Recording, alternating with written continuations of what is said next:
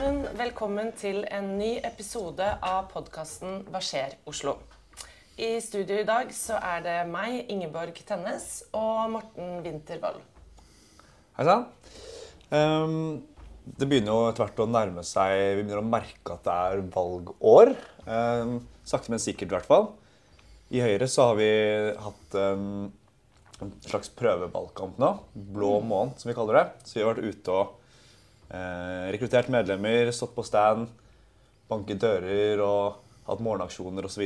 For å både vise, vise, velgerne at vi er her og vi er klare for, um, for valget. Men også å eh, trene opp de som kanskje ikke har vært så mye ute og møtt velgere, velgere før. Øve litt før det braker løs. Eh, dagens gjest eh, trenger litt mindre øving. Han eh, skal i gang med sin fjerde periode. Velkommen, James Tove Lorentzen. Takk for det. Hvordan er det å skulle gå i gang med din fjerde periode? Det er jeg veldig motivert for. Jeg gleder meg til det. Det blir da min fjerde periode, og det blir vel da min åttende valgkamp, hvis du regner med stortingsvalgkampene. Og eh, valgkamp, det er slitsomt, men det virker ikke så slitsomt, for man eh, syns det er gøy, og det er veldig motiverende, og man ønsker jo så veldig hardt at man skal vinne. Så det er liksom en sånn seks uker i august-september hvor man virkelig står på. Det blir gøy. Ja, Vi gleder oss alle sammen. Eh, Du har jobbet med ulike temaer i, eh, i bystyret. Og spesielt nå de siste årene så har du jo markert deg sterkt innen byutvikling.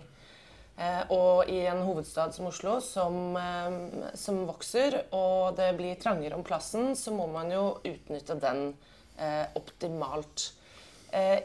Hvilke utfordringer ser du med at befolkningen vokser og vi blir flere i Oslo, og at allikevel alle ønsker sitt sted å bo?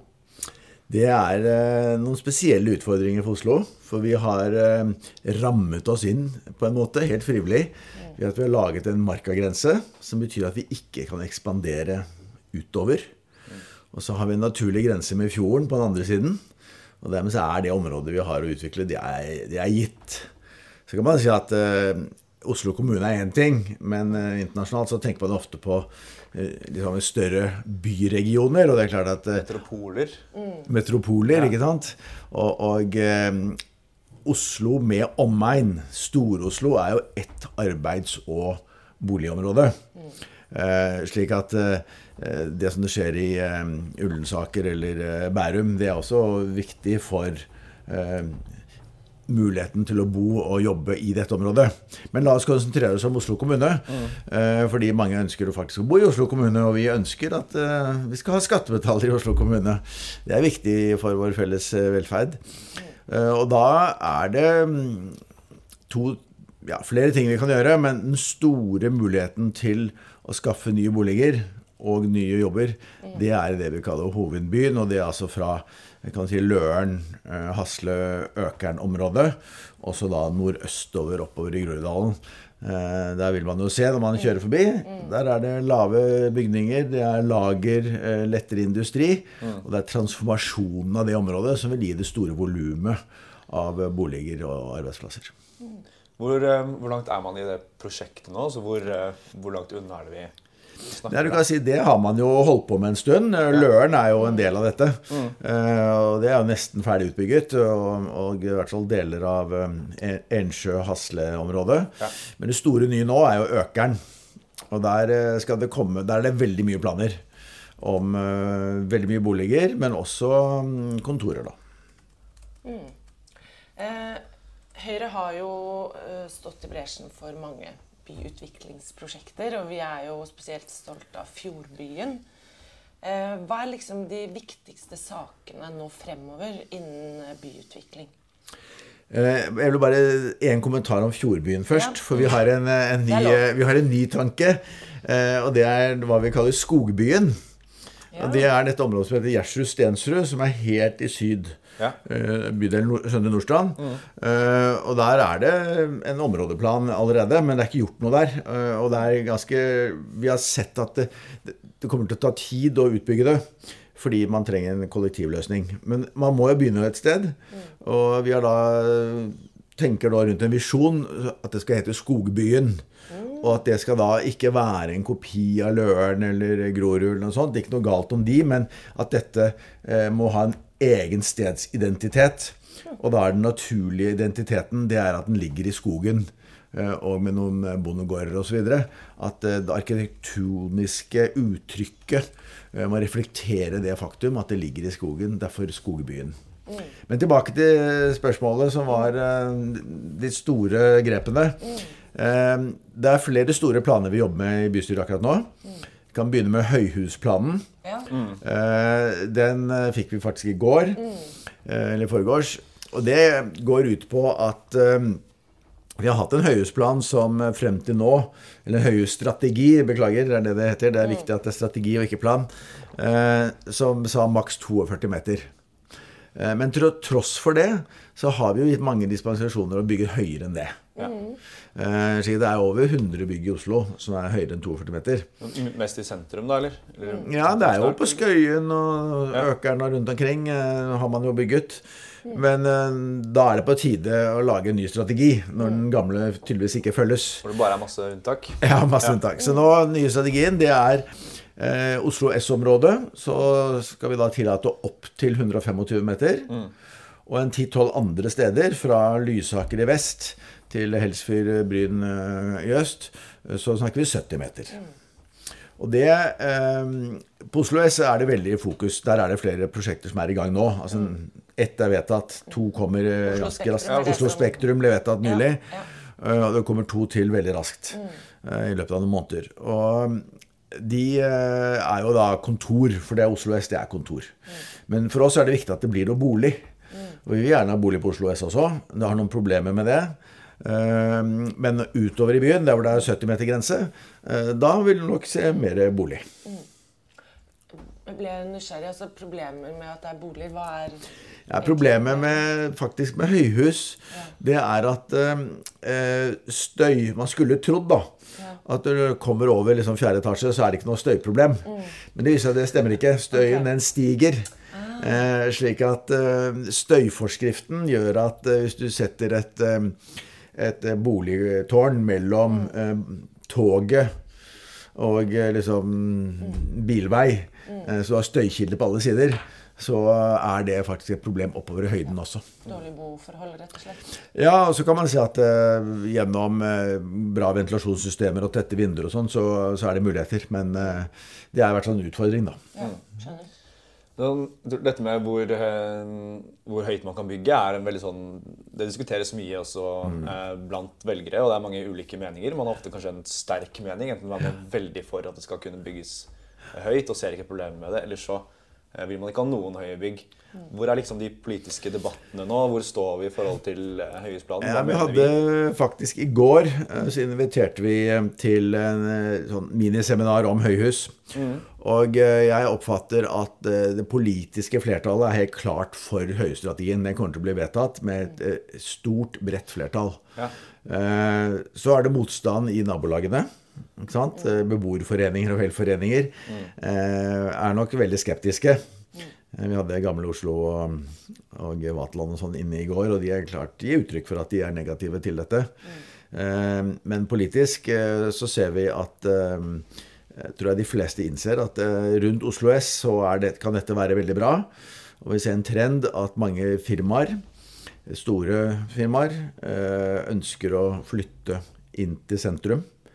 Det å sitte på Fornebu eller eh, på Lillestrøm, det er ikke så populært. Det er vanskelig å tiltrekke seg ansatte. De ansatte ønsker å være i Bjørvika, de ønsker å være i moderne, hensiktsmessige lokaler. De ønsker å ta T-bane og kollektiv og ikke kjøre bil. Eh, slik at eh, det er populært, rett og slett, å sitte i høyhus i Oslo S.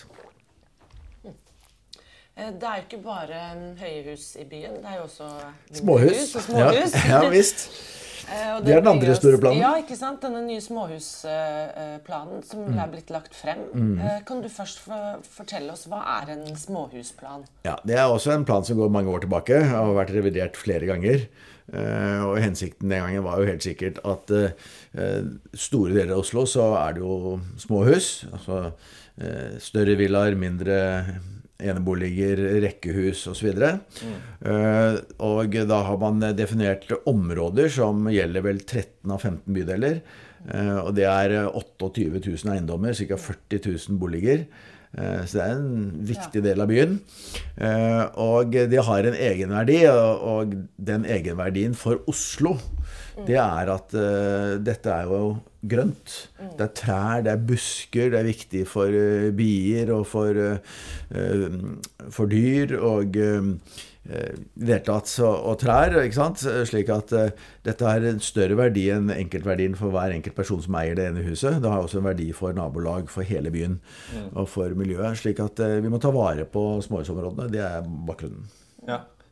Og det er da Hva er det som er nytt nå i det som ligger fremme nå? Ja, hvordan, som, hvordan, vil det kanskje påvirke de som uh, bor i småhus fra før? da? Ja, Det som har vært uh, greia, er at hvis du går tilbake 30-40 år, så var det veldig mange store eiendommer. Mm. og så har vi da sett at det har blitt fortettet. Det har vært en villet politikk. Man ønsker å fortette. ikke sant? Det har vært noen regler for hva man kan gjøre. Mm. Og så har nok det har nok mange syntes at dette har gått litt for langt. Eh, det er eh, Arkitektonisk er man litt skeptisk kanskje til enkelte løsninger. Syns det blir for tett. Eh, det blir for mye trafikk i gatene osv. Og nå har det gått såpass lang tid at nå var det på tide å, å, se på dette igjen. Og resultatet av det kommer til å bli en innstramming. Det kommer til å bli mindre fortettet. Eh, det vil fortsatt bygges, eh, men hvis det har ligget på 300 i året, så kanskje det går ned til 100 i året. da, et eller annet sånt nå. Mm. Det vil bli Der hvor det før sto fire nye boliger, så står det nå kanskje to. Ja. Um, For det vi snakker om er typisk at utbyggere har kjøpt opp eiendommer, et hus eller en tomannsbolig, og så har det blitt revet, og så har det, bygget, det blitt bygget fem-seks mindre boliger ja. på den samme. Ja. Men så er det også um, Det er ofte fokus på utbyggere, men man må også huske på at småhusplanen har en han-funksjon.